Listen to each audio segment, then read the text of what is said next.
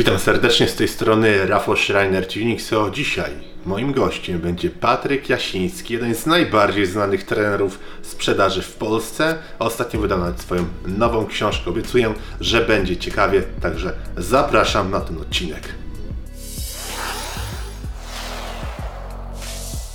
Witaj Patryk, dobrze Ciebie tutaj widzieć. Od pewnego czasu próbowaliśmy się tutaj złapać. Mam Cię takie pierwsze pytanie na start. Jakie jest Twoje podejście do sprzedaży? Czy masz swój jakiś autorski model, czy może Sandler, Spin? W którym kierunku Ty ewoluowałeś jako osoba, która jest praktycznie obecnie najbardziej znana chyba jako osoba, która tworzy, szkoli dobre zespoły sprzedaży w Polsce? E, no to ja witam wszystkich słuchających i oglądających. Mam nadzieję, że uda mi się dostarczyć tyle wartości, ile mam gdzieś tam zaplanowane. Eee, z góry powiem, że nie planowaliśmy pytań, w sensie by, niby są, niby Rafał przygotował, natomiast ja wolę odpowiadać spontanicznie i bardzo mi się podoba to pytanie, bo poruszyłeś bardzo ważną kwestię, czyli modelu sprzedaży, czy, czy jakiegoś gotowego mm, wzorca sprzedaży. Ja troszeczkę, wiesz, na pewno najbliżej mi ze wszystkich metod, metodyk sprzedaży to najbliżej mi jest do Challengera. No ja generalnie w tej metodyce Challengerowej czuję się najlepiej, najlepiej czuję sprzedaż prowokacyjną, najlepiej czuję sprzedaż opartą na komercyjnej edukacji klienta i tego, tego cały czas uczę. Natomiast wychodzę trochę z założenia, że ka mm, każda metoda ma w sobie coś wartościowego. Jeżeli są pewne rzeczy, które warto wdrożyć ze Sandlera, e, ja na przykład mam takie trzy zasady, które Sandlera bardzo lubię. Są rzeczy, które warto wdrożyć ze Spina, natomiast jeżeli patrzymy sobie na Spina, to też bierzmy pod uwagę, kiedy były robione badania Nailera Kama, który jest twórcą tej metody. To są badania, które mają 60 lat i w mojej opinii bardzo wiele rzeczy się tam zdezaktualizowało. Jeśli chodzi o moje programy, to wiesz, ja nie wiem, czy ja to mogę nazwać w 100% autorską metodą, bo w żaden sposób jej nie opisałem i nie sprzedaję jej pod szyldem moja autorska metoda. Natomiast e, na pewno wiem jedno, że prowadzę szkolenia po swojemu, prowadzę szkolenia tak jak czuję i prowadzę szkolenia dostosowane do grupy, więc mm, bardzo często to powtarzam nawet, że ja mam gdzieś program, który szkolenia został stworzony, bardziej patrzę na to, co jest grupie potrzebne, więc jeżeli w danym momencie wychodzi mi jakaś sytuacja, która nie jest objęta programem szkolenia, to ja natychmiast staram się ten problem rozwiązać, bo wiesz, ja prowadzę szkolenia od strony praktycznej, zresztą moje, moje ulubione warsztaty to są te warsztaty, gdzie wiesz, drugiego dnia pracujemy realnie na klientach, bo mnie tam nie interesuje pitu-pitu. Ja też nie jestem miotaczem slajdów i to często powtarzam, że jak się rzutnik zepsuje, to super. To jest w ogóle rewelacja. Mhm. Ten rzutnik może w ogóle nie działać, chociaż wiem, że są osoby, które lubią sobie pooglądać obrazki i po to się pod nich się robi prezentację. Też ja nie jestem mistrzem prezentacji, e, więc na pewno działam w bardzo mocno nieszablonowy sposób jeżeli mógłbym powiedzieć, że jest to jakaś moja metoda, to mimo, że jej nie opisałem, to pewnie jest. Mhm. Okej, okay. czyli najbardziej challenger, ale z każdej bierzesz po trochu i, i masz taką, jakby, masz taki jakby swój styl, który nie jest do końca przez ciebie opisany. No tak, no bo wiesz, tych metod sprzedaży w ogóle powstało przez lata tyle. E, jest też takie, takie główne cztery, no to te trzy, które poruszyliśmy, czyli Sandler, Sandler, Challenger i Spin, do tego jest metoda CCS, która jest bardzo popularna, czyli ten Customer Centric Selling, której ja, znaczy jak gdyby idea sama jest słuszna, ale chodzi o to, żeby się nie zagubić w tym wszystkim, wiesz, wchodzeniu klientowi w tyłek, bo ja zauważam, że Customer Centric Selling bardzo często mógłby do tego doprowadzić. E, mhm metoda, mówię, ma plusy, minusy, gruntem jest, wiesz, wyczuć, bo to też nie jest tak, że, wiesz, nie wiem, no spin się sprawdzi wszędzie, dla przykładu. No spin się sprawdzi w określonych sytuacjach, e, w określonych modelach, w określonych segmentach klientów, ale to nie jest tak, że on jest uniwersalny, a jak ja widzę, wiesz, szkolenie dla branży, no muszę podać jakiś przykład, sprzedajesz proste pakiety medyczne, to akurat taki mój klient bardzo dobry, więc często go przywołuję i chcesz tam wdrożyć spina, spin tam mhm. nie zadziała Oszukujmy się, Aha, to jest prosta okay. prosty produkt, y, prosty typ klienta, który jest bardzo mocno konsumentem, tu ci zadziała inny model, bliżej będzie do Sandlera, bliżej będzie do Challengera w tej sytuacji, nie? Mhm. Okej. Okay. Jeśli mielibyśmy tutaj poruszyć sprzedaż czy marketing, jak uważasz, czy coś jest ważniejsze, czy oba są tak samo ważne i jak najlepiej działy sprzedaży mogłyby funkcjonować, współpracować z marketingiem, aby jedni i drudzy osiągali jak najlepsze rezultaty? Bo tutaj zawsze w firmach, w korporacjach jest tak jakby jest, rywalizujemy ze sobą. Jak coś jest nie tak, to jeden dział zgania na drugi. No i teraz poruszyłeś kwestię, gdzie ja mógłbym wiersze pisać na ten temat. Yy, tu się pewnie chwileczkę rozgadam, ale zależy mi, żeby mhm. ludzie wyciągnęli samą esencję z tego, co powiem. Po pierwsze, należy sobie zadać pytanie, jaka jest rola marketingu, jaka jest rola sprzedaży, ale zacznę jeszcze krok wstecz. Czym się mhm. różni sprzedawcy od wybitnych marketerów? Niczym. Jedni i drudzy mają bardzo podobny zasób cech, podobny zasób kompetencji i uważam, że dobry marketer jest tak samo dobrym sprzedawcą, jak i dobry sprzedawca jest dobrym marketerem. Okej, okay. Może sprzedawca nie lubi siedzieć, nie wiem, w cyfrach, w wykresach, w liczbach, w analizach i to będzie jak gdyby klasyfikowało go bliżej do sprzedawcy. Natomiast marketer może to do zasady nie lubić komunikacji wszelkiej formy z klientem, więc będzie wolał sobie zamykać się w, w tworzeniu komunikatów marketingowych, kreowaniu kampanii i tak dalej. Natomiast jestem totalnie zdania, że jeżeli, nawet mam taką swoją metaforę, yy, którą, mhm takiego serca, które bardzo często rysuję na, na szkoleniach. Jeżeli mam różne działy, bo ja bardzo często mam różne działy, mam powiedzmy bok, mam marketing, mam sprzedaż i czasami mam zakupy, bo to też jest taki dział, który mocno w Polsce się rozwija. I ja rysuję takie cztery przegródki, gdzie mhm. każdy dział jest części tego serca. Masz sprzedaż, marketing, bok i zakupy. Jak zakupy dobrze nie kupią, to marketing nie ma czego promować. Jak marketing dobrze nie wypromuje, to nie trafi zapytanie do sprzedaży, a jak sprzedawca naobiecuje głupot klientowi, e, to później to wróci do boku i to się tworzy takie zamknięte koło. Dlaczego rysuję to jako serce? Bo uważam, że to jest serce każdej firmy. Firma jest pewnym organizmem. Ja bardzo lubię tą metaforę porównywania, zresztą Łukasz Kuciński, w Polsce firma jako całość świetnie to zobrazował, że firma jest jak żywy organizm. Łukasz Kuciński to jest mój dobry znajomy, to jest z Łodzi. To jest mój też bardzo dobry znajomy. E, więc więc e, ja uwielbiam podejście Luka, zresztą też był w moim podcaście jako gość. E, I Luke bardzo dobrze to zobrazował, że to się rozchodzi później na inne organy, no bo jeżeli my nie sprzedamy w cudzysłowie, no to księgowość mhm. księgować, logistyka czego wysyłać, produkcja czego produkować i tak mógłbym mówić w kółko.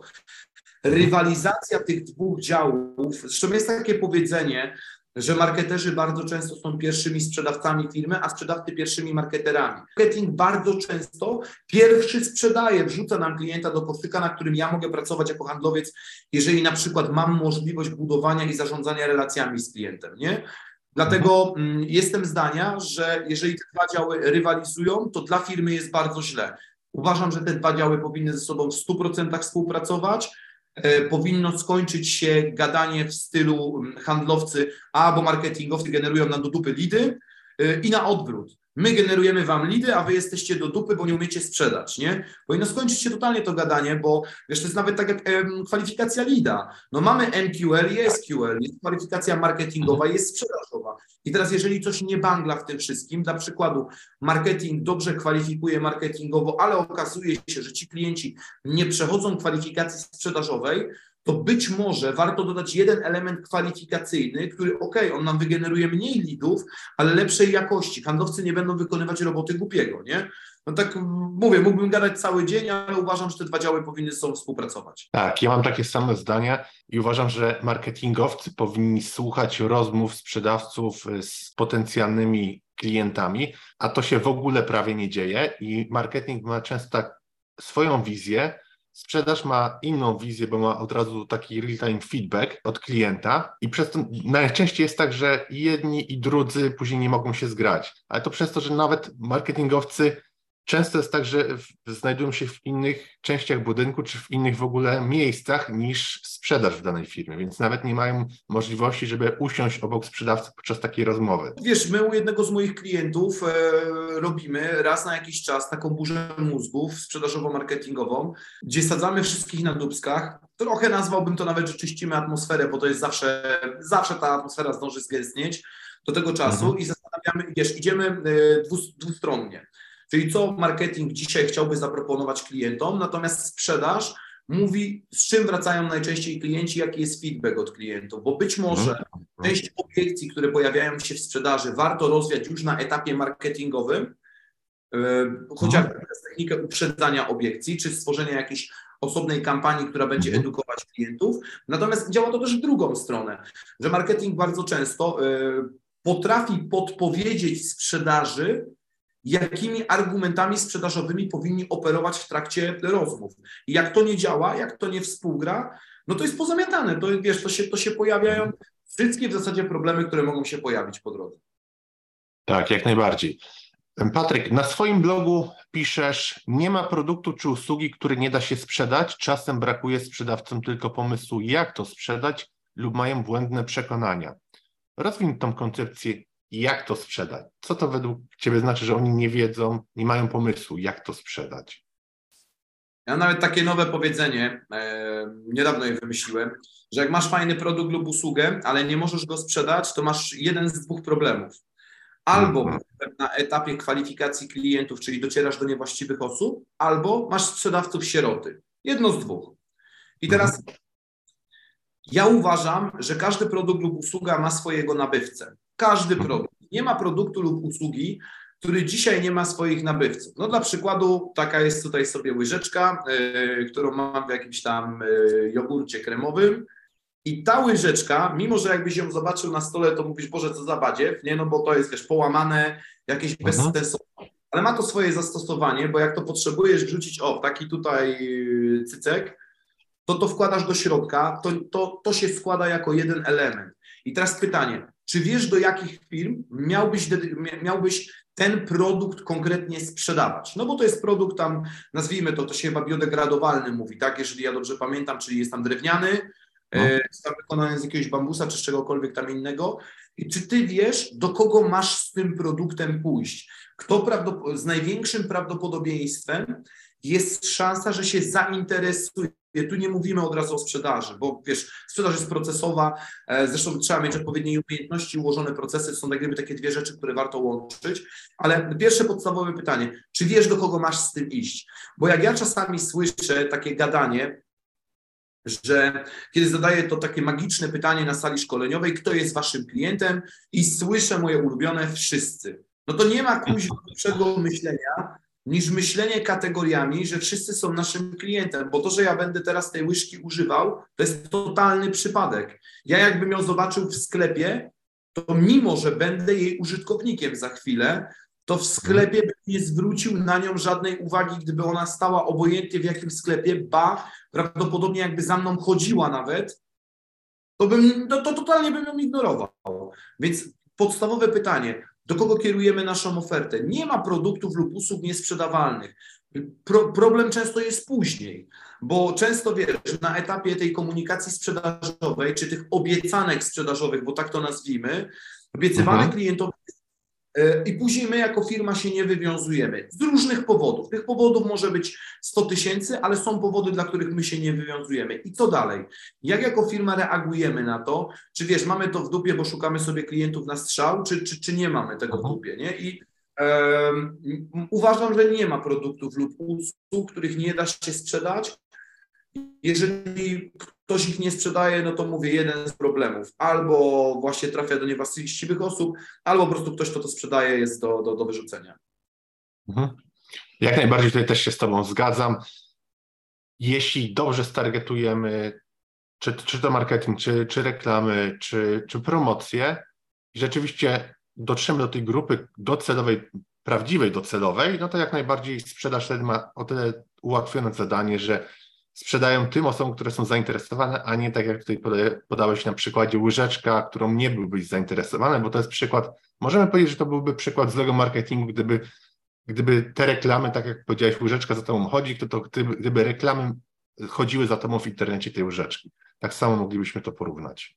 Wiesz co, tak, no pamiętajmy o efekcie czystej ekspozycji. No jeżeli ktoś z naszych słuchaczy, słuchających, oglądających nie wie, czy, co to jest, no to w bardzo dużym skrócie można podać klasyczny przykład piosenki w radiu, że leci jakaś nowa, ktoś tam piosenkę, mówisz, ale gówno na pierwszy moment, a w pewnym momencie zauważasz w sobie, czym częściej ją słyszysz, że nutka tam zaczyna chodzić, a nawet gdzieś podświadujesz tak.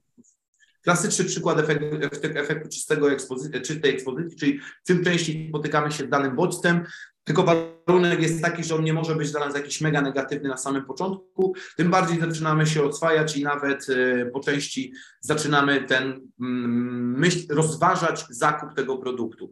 E, zgadzam się z podejściem, no, jak to sam powiedziałeś, do niewłaściwego stargetowania odbiorców, być może niewłaściwego kanału i tak dalej. No bo jak dzisiaj reagują firmy? Jeżeli wspominamy o marketingu, mhm. pojawia się kryzys we firmie, obojętnie jaki, mhm. i największym idiotyzmem, jaki można w tej sytuacji zrobić, to jest obcinać lub wycinać kasę na marketing. Ja rozumiem ten marketing przeanalizować najpierw rzetelnie i zobaczyć faktycznie, dobra, ten, ten i ten kanał możemy wyłączyć, bo nie generują nam ten, a nie mamy pomysłu, nie wiem, w jaki sposób taką łyżeczkę, już to wspomnianą na TikToku na przykład, e, a tam popuje sobie w TikToka e, pieniądze, luz, wyłączam, spoko. Ale bardziej boli mnie to, że firmy same sobie ucinają dopływ klientów, i mm, liczą, że cokolwiek się zadzieje. Albo druga strona medalu, czyli pojawia się kryzys i wchodzi menadżer sprzedaży mówi, dobra, Rafał i ekipa, robimy prospecting. I teraz mhm. wszyscy jak jeden mąż, jak słyszą hasło robimy prospecting, to w głowie mają cold calling. Nie, będziemy teraz dzwonić na zimno, tłuc telefony, telefony, ale nikt nie zadaje sobie tego trudu, żeby ten prospecting przygotować. Że być może, jeżeli mam ciebie i mam cztery inne osoby w zespole, to opłaca się, żeby jedna osoba zajęła się social sellingiem, inna osoba zajęła się chociaż po części zimnym mailingiem, który będzie robiony z głową, jeszcze inna osoba albo dwie, bo dobrze czują się w rozmowach telefonicznych, potrafią swobodnie te rozmowy prowadzić, no to będą dedykowane do cold callingu, a ktoś jeszcze wykonuje jeszcze inne działania. Ludzie słyszą prospecting, to jest, będziemy teraz dzwonić, byle gdzie, do byle kogo i z byle czym. Tak, to jest takie klasyczne, bym powiedział, podejście prospectingowe. Jeśli chodzi o proces sprzedaży, uważasz, że w B2B i B2C one są podobne, czy się różnią? Co, yy, I tak i nie. Mhm. Już tu są do siebie podobne, idzie je w bardzo podobny sposób zaprojektować, natomiast wszystko zależy od tego, z czym i do kogo docierasz. Tutaj bardziej trzeba mhm. spojrzeć na to, nawet nie patrzyłbym na to przez pryzmat B2B czy B2C, tylko patrzyłbym przez pryzmat modelu sprzedaży, w którym się poruszasz. Czy jest to model transakcyjny, czy jest to model doradczo-konsultacyjny.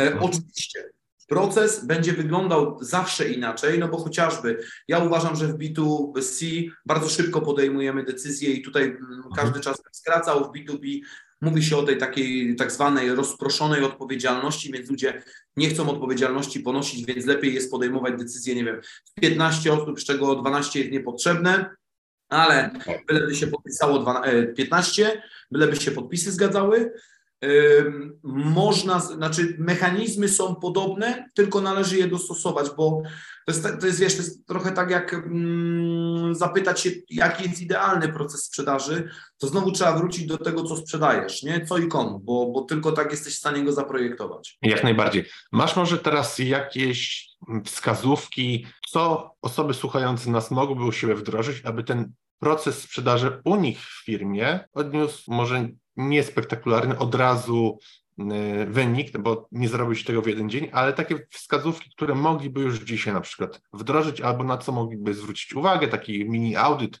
który mogliby u siebie zrobić. Podoba mi się to, to, to pytanie o mini audyt. Wiesz co? Yy, dobra, to powiem yy, krótko. Yy, jak ja widzę mhm. proces sprzedaży? Cztery etapy procesu sprzedaży. Etap pozyskania mhm. rozmów sprzedażowych, obsługi posprzedażowej i budowania i zarządzania relacjami sprzedaży to w ogóle mnie tak wpienia te wszystkie powiedzenia, które ostatnio pojawiły się w ostatnich latach, tych złotoustych trenerów, których nie mogę słuchać, którzy mówią, na, dla przykładu, jedziesz na spotkanie z klientem, zbuduj relacje. No kuźwa, co to jest za relacja, jak ty jedziesz na pierwsze spotkanie do klienta? Jak oni mają takie relacje w życiu, to ja im naprawdę współczuję. Dlatego mówię, zarządzania relacjami. Będę o tym trąbił tak długo tylko, jak jeszcze będę mógł mówić albo jak będę żył, że etap budowania i zarządzania relacjami, jeżeli ma być rzetelnie zrobionym etapem, to jest dopiero na czwartym etapie procesu, nie wcześniej. Wcześniej pozyskujemy zaufanie klienta, żeby zgodził się złożyć nam to zamówienie. Ok, być może jakieś tam małe relacje, ale to będą bardzo płytkie relacje. Mamy etap pozyskania, czyli my musimy ściągnąć ruch do siebie albo sami zainicjować ruch.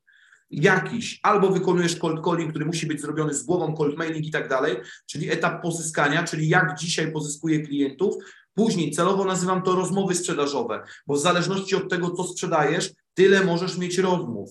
Później już sprzedałeś, tu się kończą rozmowy sprzedażowe, zaczyna się obsługa posprzedażowa, czyli co ja robię na etapie obsługi posprzedażowej i dopiero później budowanie i zarządzanie relacjami, jeśli jestem w trybie doradczo-konsultacyjnym, gdzie mam po co do ciebie w ogóle zadzwonić. Mini audyt, pierwsza rzecz. Do kogo docieram z moim komunikatem, czyli jak mam sprofilowanego mojego odbiorcę. Druga rzecz, jak już go sprofiluję, to jakimi kanałami do niego docieram, bo po to się profiluje klienta, żeby wiedzieć, w jaki sposób oprzeć swoją komunikację. I dla przykładu, ktoś mówi, zimny mailing nie działa. No nie działa, bo wszyscy go robią do dupy, bo go traktują jak spam. Po drugie, wysyłają go do mhm. byle jakich grup klientów, co w ogóle totalnie nie ma sensu. A po trzecie, to jest jedna z moich metod sprzedaży. Pytałeś o tą moją metodykę. No mam takie swoje 30 ponad metod, które kiedyś spisałem. To jest metoda wyciągnij łapę z gaci, jak gadasz z klientem. Polega ona w dużym skrócie na tym, że jak ja tobie wysyłam maila, czego ja to nie robię, jak to ja nie zbawiam świata, jak to my cudowni nie jesteśmy, to ty masz mnie w dupie, bo ciebie interesuje, co ty będziesz miał, a nie to, kim ja jestem. No ludzie nie potrafią zrozumieć, jak ja widzę w ofertach sprzedażowych, że otwierasz ofertę sprzedażową i na drugiej stronie masz zaufali nam, albo jeszcze bardziej idiotyczny zwrot, lista naszych zadowolonych klientów. Kogo to na tym etapie obchodzi? Społeczny dowód słuszności, czy jakkolwiek inaczej nazwać mechanizm, gdzie ja utwierdzam się w słuszności decyzji, on dopiero jest później, nie teraz, nie na tym etapie. Czy mnie to nic nie interesuje. Idziemy dalej. Czyli mam co, do kogo i później jak. Jak już jestem, weryfikacja moich wszystkich rozmów sprzedażowych, czyli czy ja po pierwsze rozmawiam z odpowiednimi osobami, czy docieram do odpowiednich osób, czy to nie jest tak, że marnuję czas na osoby w moich rozmowach sprzedażowych, które nigdy nic ode mnie nie kupią. Później, jak działam, kolejna z moich zasad sprzedaży, jeśli szybkość może być moją jedyną przewagą rynkową, to chcę mieć ją po swojej stronie. I tu często dodaję, że nawet jakbym miał wysłać Tobie ofertę w gaciach o 23.30, to ja Ci ją wyślę zawsze w ten sam dzień. Bo ja nie wiem, czy ja jestem najlepszy, ale na pewno jestem najszybszy. To ja to wiem. Bo jak ja czasami słyszę, e, klienci mówią, że ofertowali do mnie i do innej firmy, ja z nimi spięłem umowę, a tamta firma im jeszcze oferty nie przygotowała. Powiedziała, że przygotowanie programu dwudniowego szkolenia zajmie im 7 dni no to ja już wiem, że oni tam im będą wiersze pisać, nie? No to to jest totalnie, wiesz, w ogóle jakieś wystrzelone. Ile dni, jak mówimy o rozmowach sprzedażowych, ile dni klient spędza na poszczególnym etapie mojego lejka sprzedażowego, żeby zobaczyć, czy ty nie jesteś tam za długo, czy za krótko. Musi to, to musi być zweryfikowane, to musi być policzone w średniej. I tutaj mamy to klasyczne, ale u nas to jest różnie. U nas to jest różnie. No po to się to nazywa kuźwa średnia, żeby wyciągnąć średnią z tego. Bierzesz wszystkie, dzielisz przez ilość do widzenia, wychodzi ci średnia. Jeżeli średni czas, powiedzmy, od momentu zainicjowania kontaktu z klientem do podpisania umowy zajmuje mi 43 dni, a ty w moim lejku jesteś 86, to znaczy, że jesteś za długo. I teraz trzeba podjąć jakieś działania, które sprawią, że z większym prawdopodobieństwem do mnie, ode mnie kupisz. Kolejne na etapie rozmów, czy ja kontroluję proces, czy oddaję kontrolę w ręce klienta. Bo jak oddaję kontrolę, to jest kolejna z moich zasad, zawsze kontroluję proces sprzedaży. Jak oddaję proces w ręce klienta, to jestem w czarnej D, bo klient może sobie zrobić z moim procesem wszystko, co mu się podoba. Oczywiście, on ma proces zakupowy, ja mam swój proces sprzedaży, ale szukamy tego, gdzie one mogą się zetrzeć a nie e, jak pan kupuje. No, my potrzebujemy, e, przykładowa obiekcja, tak? E, kończę z tobą rozmowę, rozmowa kończy się ustaleniem, że prześlę ci ofertę i mówię do ciebie, że, wyś, że zadzwonię do ciebie za dwa dni, bo u mnie to jest 48 godzin po wysłaniu ofercie i koniec, kropka. I ty do mnie mówisz dla przykładu, no nie, panie Patryku, to za szybko, to ja potrzebuję dwa tygodnie albo, albo tydzień. No i ja króciutko. Panie Rafale, ja nie wysyłam panu tomu pana Tadeusza. Ja wysyłam panu krótką informację i nie będę od pana wymagał decyzji, tylko będę miał prośbę, żeby pan mi udzielił feedbacku. I rozumiem, że możemy się tak umówić. I krótko, kolejna, czy moja oferta nie jest za długa? Jak y, taki przykład ostatnio z klientem, mm, nazwijmy to wspierającego, żeby nie, nie rzucać nazwą, rozwiązania cyfrowe dla firm, który pokazuje mi ich ofertę i oferta liczy 18 stron PDF. Jak ja ją dostałem do audytu, to po moim audycie liczyła 5. Powiem szczerze, 18 stron oferty od kogoś, to nawet bym nie przejrzał. I widzisz, o, i to jest bardzo ważne, że podejść do sprzedaży tak jak sam podchodzisz. Ja ludzi uczę cały czas, po cholerę piszesz takiego długiego maila. Przecież jak ktoś widzi długiego maila, to jego głowa na dzień dobry mówi mu, będzie wymagało to ode mnie zaangażowania. Jak będzie wymagało to od ciebie zaangażowania, to odkładasz to, bo nie jest to wysoko w twojej hierarchii priorytetów, więc idzie to odstawione. A odstawionym mailem wszyscy wiemy, co się dzieje. Idziemy dalej. Audyt, no już tu nie będę się rozwodził. Audyt działań posprzedażowych, czyli co, obsługi posprzedażowej, czyli kupiłeś i co?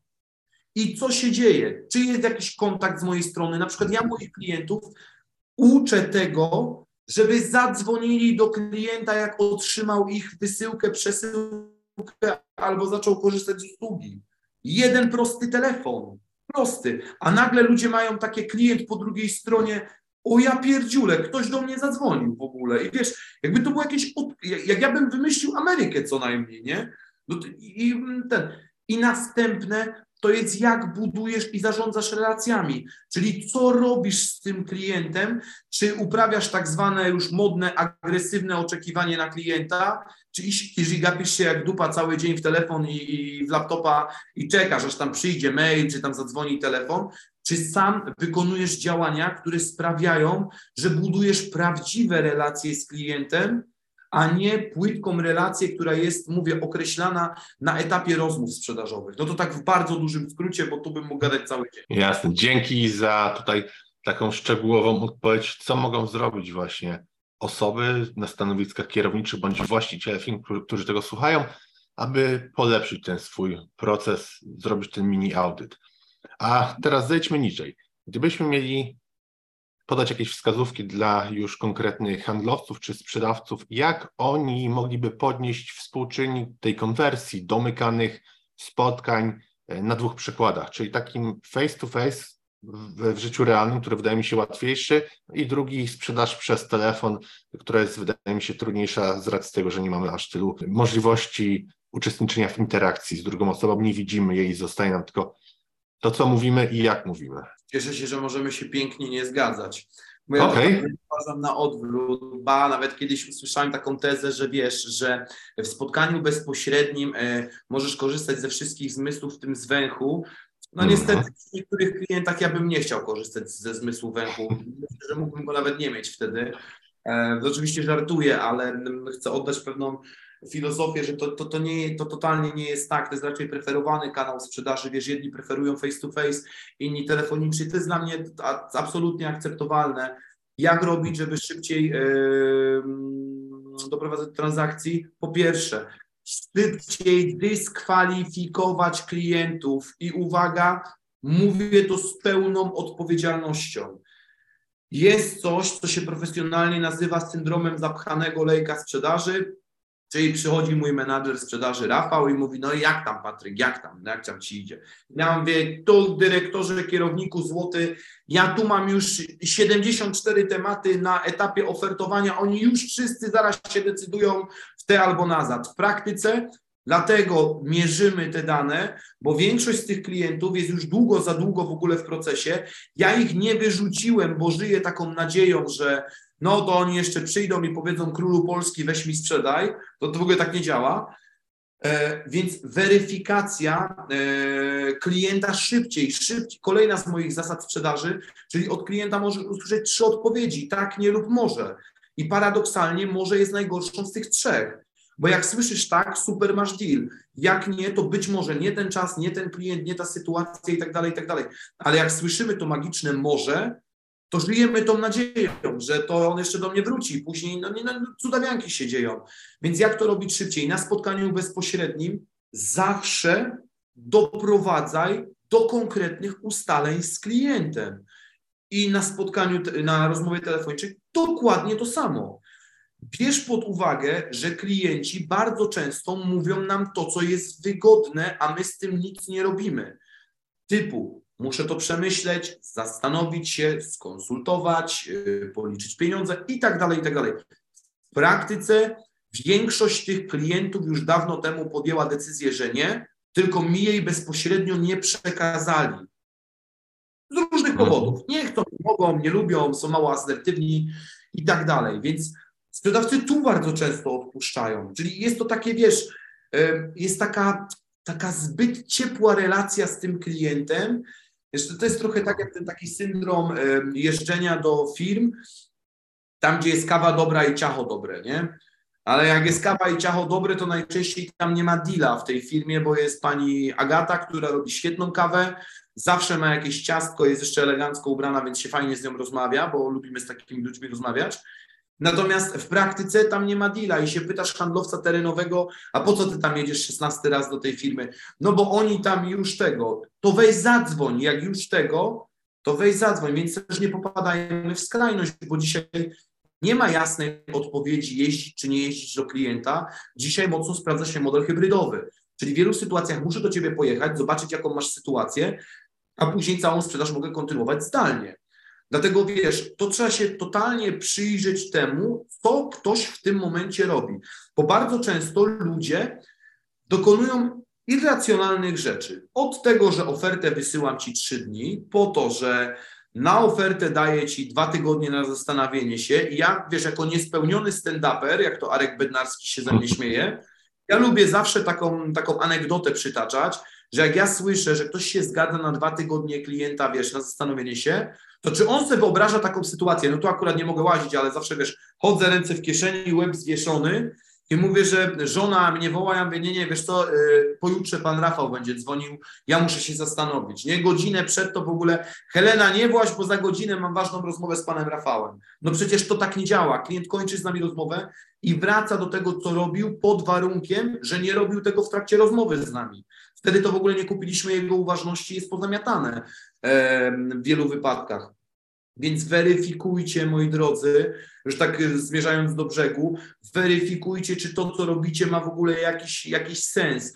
Nie bójcie się słyszeć szczerego nie, niż nieszczere może, bo nieszczere może was nigdzie nie zaprowadzi. Tak, tutaj powiem z perspektywy osoby, która też w sprzedaży pracuje wiele, wiele lat, najgorsze jest takie może. Ja zawsze mówię, jesteśmy dorośli, szanujmy się, potrafimy powiedzieć tak albo nie, więc jeśli nie jesteś zainteresowany i nie zrobimy tego mecza, nie jesteśmy dla siebie meczem, po prostu powiedz. Najgorsze jest to może i za każdym razem, czy to telefon, czy mail, może to za tydzień, za miesiąc, muszę przedyskutować z psem, z kotem, z małżonką i wtedy może. Jestem jak najbardziej za tym, żeby ludzie mówili sobie wprost.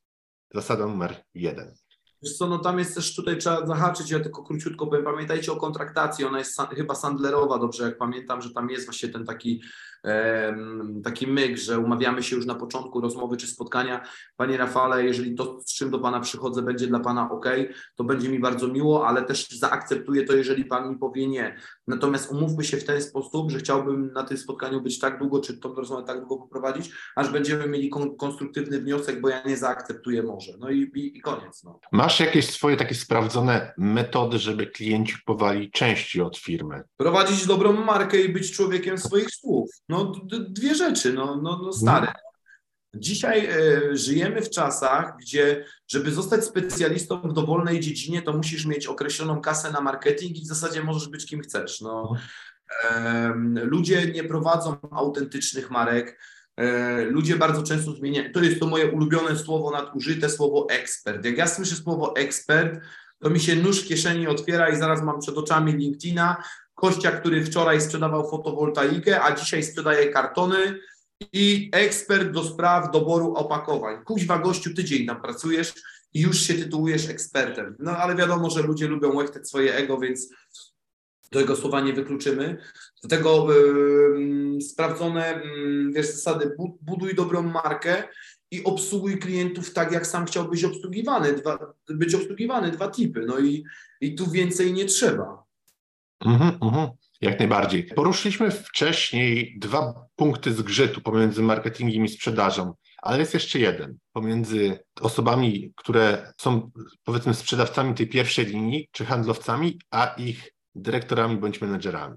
Jakie największe błędy z Twojego doświadczenia i to, co ty obserwujesz, dzieje się pomiędzy, na tej linii pomiędzy osobami, które sprzedają i jakie błędy popełniają ich menedżerowie, czy osoby, które są odpowiedzialne za tą sprzedaż, za ten dział sprzedaży. Bo to też często spotyka się, że, że są zgrzyty i jedni na drugich wiadomo, narzekają. No wiesz, my żyjemy w kulturze trochę narzekania. Ja może się skupię od strony menedżerskiej, bo od strony sprzedawców, to, to wiesz, to ja mógłbym cały dzień gadać, bo bardzo często handlowcom będzie po prostu źle, że w ogóle menadżera mają, przecież oni są tak super, że menadżer jest im niepotrzebny, więc skupię się trochę na menadżerach. No nie ma nic gorszego niż menadżer sprzeda sprzedaży, który jest idiotą i mówię to z pełną odpowiedzialnością, czyli dla przykładu ten taki mój ulubiony tekst, bo jak ja kiedyś sprzedawałem, to było tak i tak, więc tak i tak musisz robić, nie? Czyli wiesz, ktoś zatrzymał się 20 lat temu w sprzedaży, i on uważa, że to, to w ogóle on wtedy wymyślił, to było tak odkrywcze, że, że mm, odkrył coś, na co zasługuje na Nagrodę Nobla. No to, to sprzedaż, słuchajcie, tak mocno ewoluuje. No wiadomo, że marketing ewoluuje jeszcze szybciej od sprzedaży, ale że idą ramię w ramię, to ta sprzedaż też ewoluuje i e, nie ma w ogóle tutaj żadnej gadki, ja dlatego wspomniałem o, o, o rzetelnym, o prawdziwym marketingu, bo wiesz, dobry marketing, jeżeli jest dobrze robiony, on nam pomaga w uwiarygodnieniu naszej marki i handlowcom się wtedy łatwiej sprzedaje. I tak samo jest z menadżerami sprzedaży, że mówię, ktoś, kto się zatrzymał 20 lat temu i on nadal twierdzi, że wiesz, prawdziwy, rasowy sprzedawca to się ubiera. O, to takie, e, taka myśl przełomowa z książki Daniela Pinka, jak być dobrym sprzedawcą. Bardzo mi się podobała ta myśl. On opisuje to, jak się zmienił obraz sprzedawcy. I to jest, wiesz, 20 lat temu, to gdybyśmy siedzieli w jakimś budynku z dużą szybą i z, duży, i z wglądem na jakąś ruchliwą ulicę, to prawdopodobnie obaj bylibyśmy precyzyjnie w stanie ocenić, kto jest przedstawicielem handlowym bo to szedł ten pan ładny, zapięty, krawacik, marynareczka, wyglancowane lakierki, obowiązkowo neseserek i maszerował sobie, truchtał po, po mieście, nie? To był kiedyś obraz sprzedawcy. Dzisiaj sprzedawcy mają zupełnie inną stylówę, zupełnie inaczej się obnoszą i tak dalej. Więc sprzedaż się bardzo mocno zmieniła i podejście takie bardzo toksyczne, bo jak ja kiedyś coś tam robiłem, to tak, to, to, to i to. Druga rzecz, która nie bangla u menadżerów, to niewłaściwie rozliczają swoich sprzedawców. W nowej książce właśnie opisywałem taki bardzo skrajny przykład, ale e, bardzo krótko. Dostaliśmy obaj po 100 lidów, ty zrobiłeś 11 e, sprzedaży, ja zrobiłem 7. Menadżer robi z ciebie bożka sprzedaży, bo jesteś lepszy.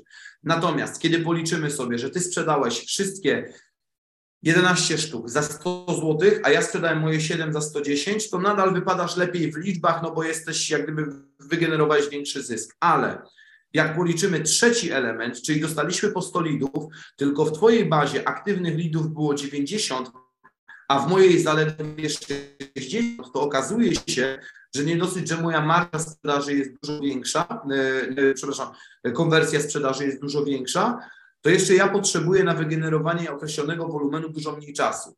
I teraz, jak spojrzę na prawdziwe liczby, rzetelne liczby, takie, których należy brać pod uwagę, to okazuje się, że zmienia się ta optyka i e, to jest kolejny, kolejna rzecz, czyli niewłaściwe rozliczanie swoich handlowców. Trzecia rzecz to małe służenie wsparciem swoim e, handlowcom e, i dla przykładu klątwa tysiąca raportów. Jak ja widzę, wiesz, w firmach, co się raportuje, po co się raportuje i do kogo się to raportuje, to czasami otwiera mi się nóż w kieszeni, bo okazuje się, że ja generuję, wiesz, 30 tysięcy stron arkuszy kalkulacyjnych, których później nikt nie czyta mhm. w tej sytuacji. Jest to robione sztuka dla sztuki. Kolejna rzecz, to nie jestem wsparciem jako menadżer. Menad rolą menadżera jest wpływ na poziom motywacji jego sprzedawców i koniec, kropka.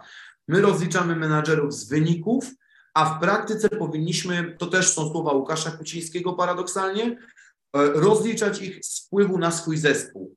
To jest zadanie menadżera sprzedaży. Dobry menadżer inspiruje swój zespół i zaciąga ich do walki. Nie rozkłada rąk i nie, nie wyciąga bata, kiedy nie idzie, tylko siada z dubskiem i sam dzwoni ze swoim zespołem albo zastanawia się, co robią nie tak, że ta sprzedaż e, idzie tak jak po grudach.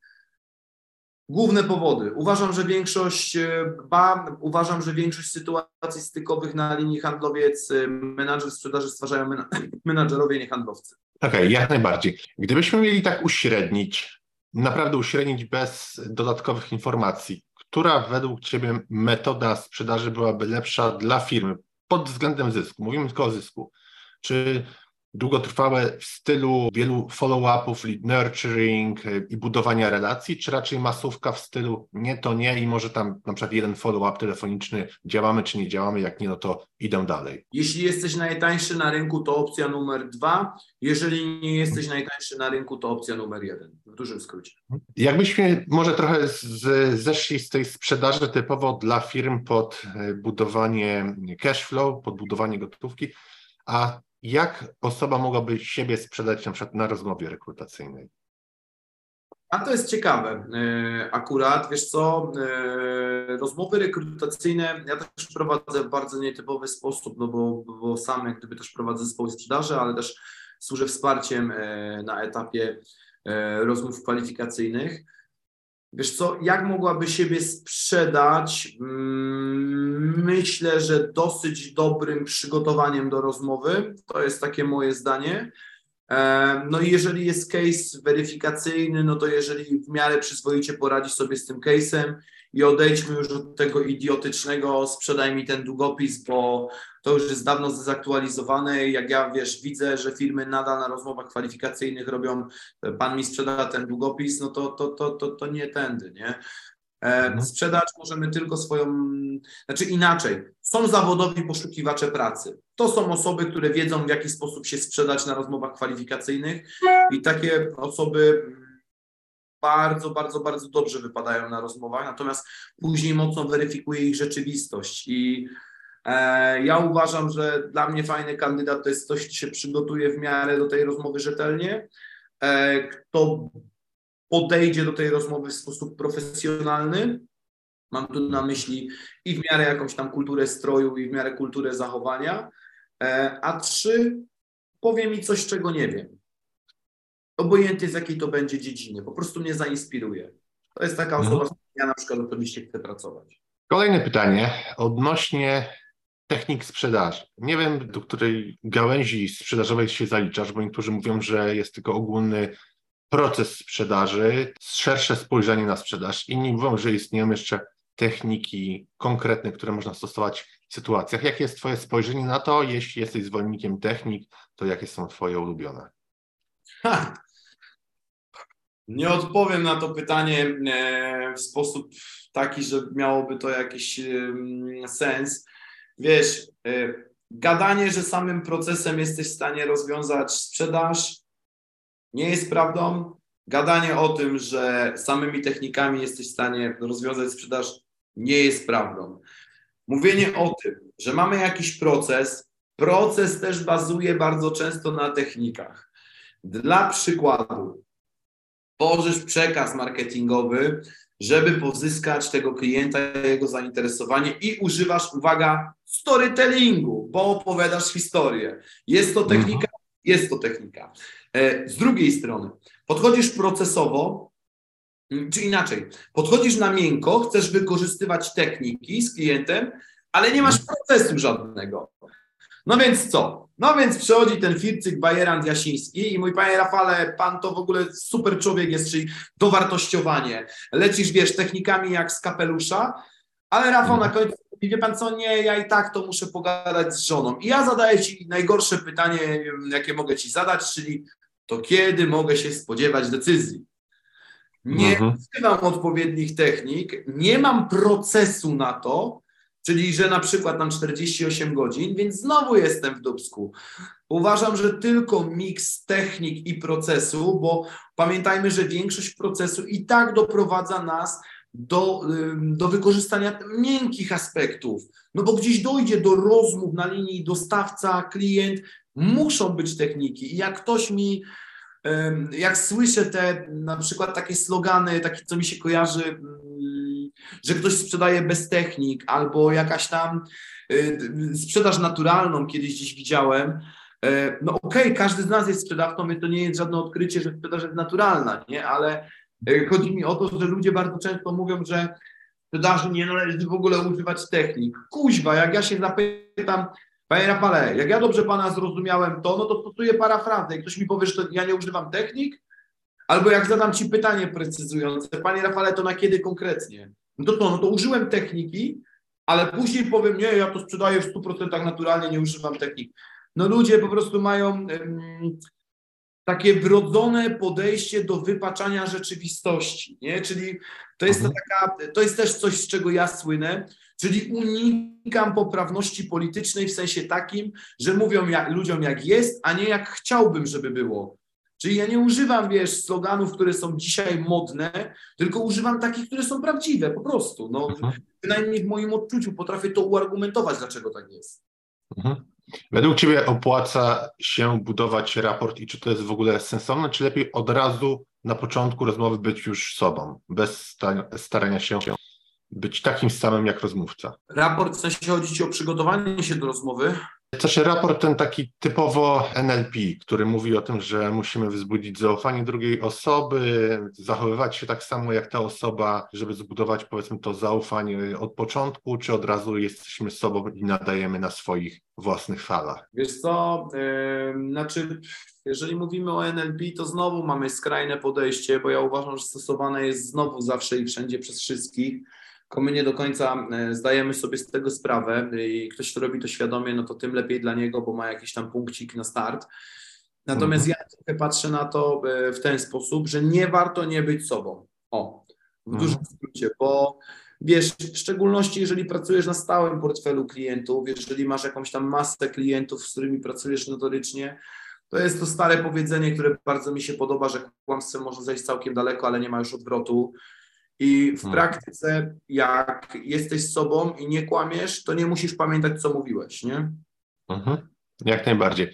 Mam dla Ciebie, Patryk, przygotowane jeszcze jedno pytanie, ostatnie, na które już częściowo odpowiedziałeś, bo brzmiało ono, czy warto budować wizerunek eksperta? Odpowiedziałeś twierdząco, więc może zmieńmy je na jak byś polecił innym, aby budowali swój wizerunek eksperta w sposób prawidłowy, a nie tylko poprzez załóżmy publikowanie czy spamowanie grup w social mediach. Dobre pytanie, fajne. E, bardzo mi się podoba to pytanie. Wiesz co, e, po pierwsze tak, mm, po czym poznaje się prawdziwego eksperta? Nie? To jest, od tego trzeba zacząć.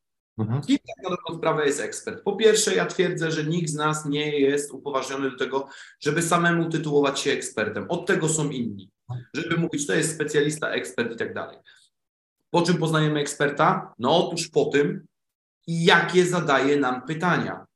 Bo amator, jak przyjdzie do ciebie, E, taką fajną historię mam, którą opowiedział mi jeden z moich klientów, jak chciał wybudować kominek, to jakiś tam kominek, tylko coś tam nie, nie, nie grało z usytuowaniem tego kominka i na 9 do 10 e, kominiarzy, do których zadzwonił, tam tych, co budują kominki, ja nie wiem, czy są kominiarze, e, to 9 na 10 mówiło, tak robimy, taki i taki pieniądz.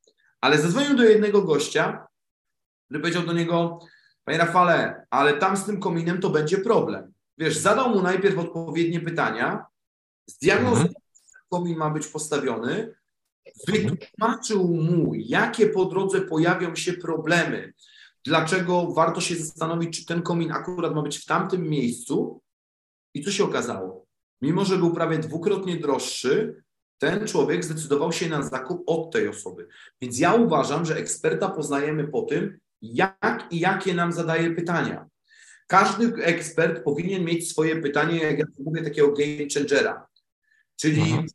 pytanie, które jak zadajesz klientowi, to w pewien sposób dajesz mu do zrozumienia, że on ma e, do czynienia z prawdziwą osobą, z dobrą osobą. No prosty przykład, dzwoni do mnie klient, klasyka gatunku, Patryk, potrzebujemy podnieść sprzedaż. No mhm. i moim pytaniem, mój game changer to jest ale jak?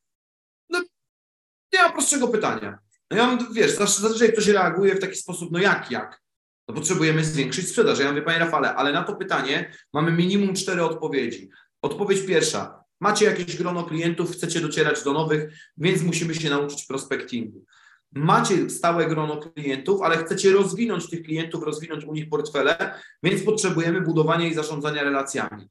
Mało tego, jesteście w jakiejś grupie klientów, ale chcecie przejść półkę wyżej, no to musimy się nauczyć obsługi klienta premium na przykład. Albo e, macie dużo klientów, full klientów, ale sprzedajecie na bardzo niskich marszach, więc muszę Was nauczyć bronić cenę.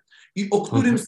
sposobie my w tym momencie podniesienia sprzedaży mówimy. I nagle jest takie, no to jest jak z mechanikiem samochodowym. Jak jedziesz do mechanika samochodowego, Zapamiętajcie sobie, jak wjeżdżacie do mechanika samochodowego i po pierwsze nie ma plakatu z gołymi babami, to możecie od razu na wstecznym wyjechać, tam, tam aut nie naprawiają, ale po drugie, mechanik samochodowy, jak mówisz do niego, panie, stukami, to zły mechanik powie ci, dobra, zostaw tam tego, zrobimy, a dobry mechanik zada ci kilka pytań.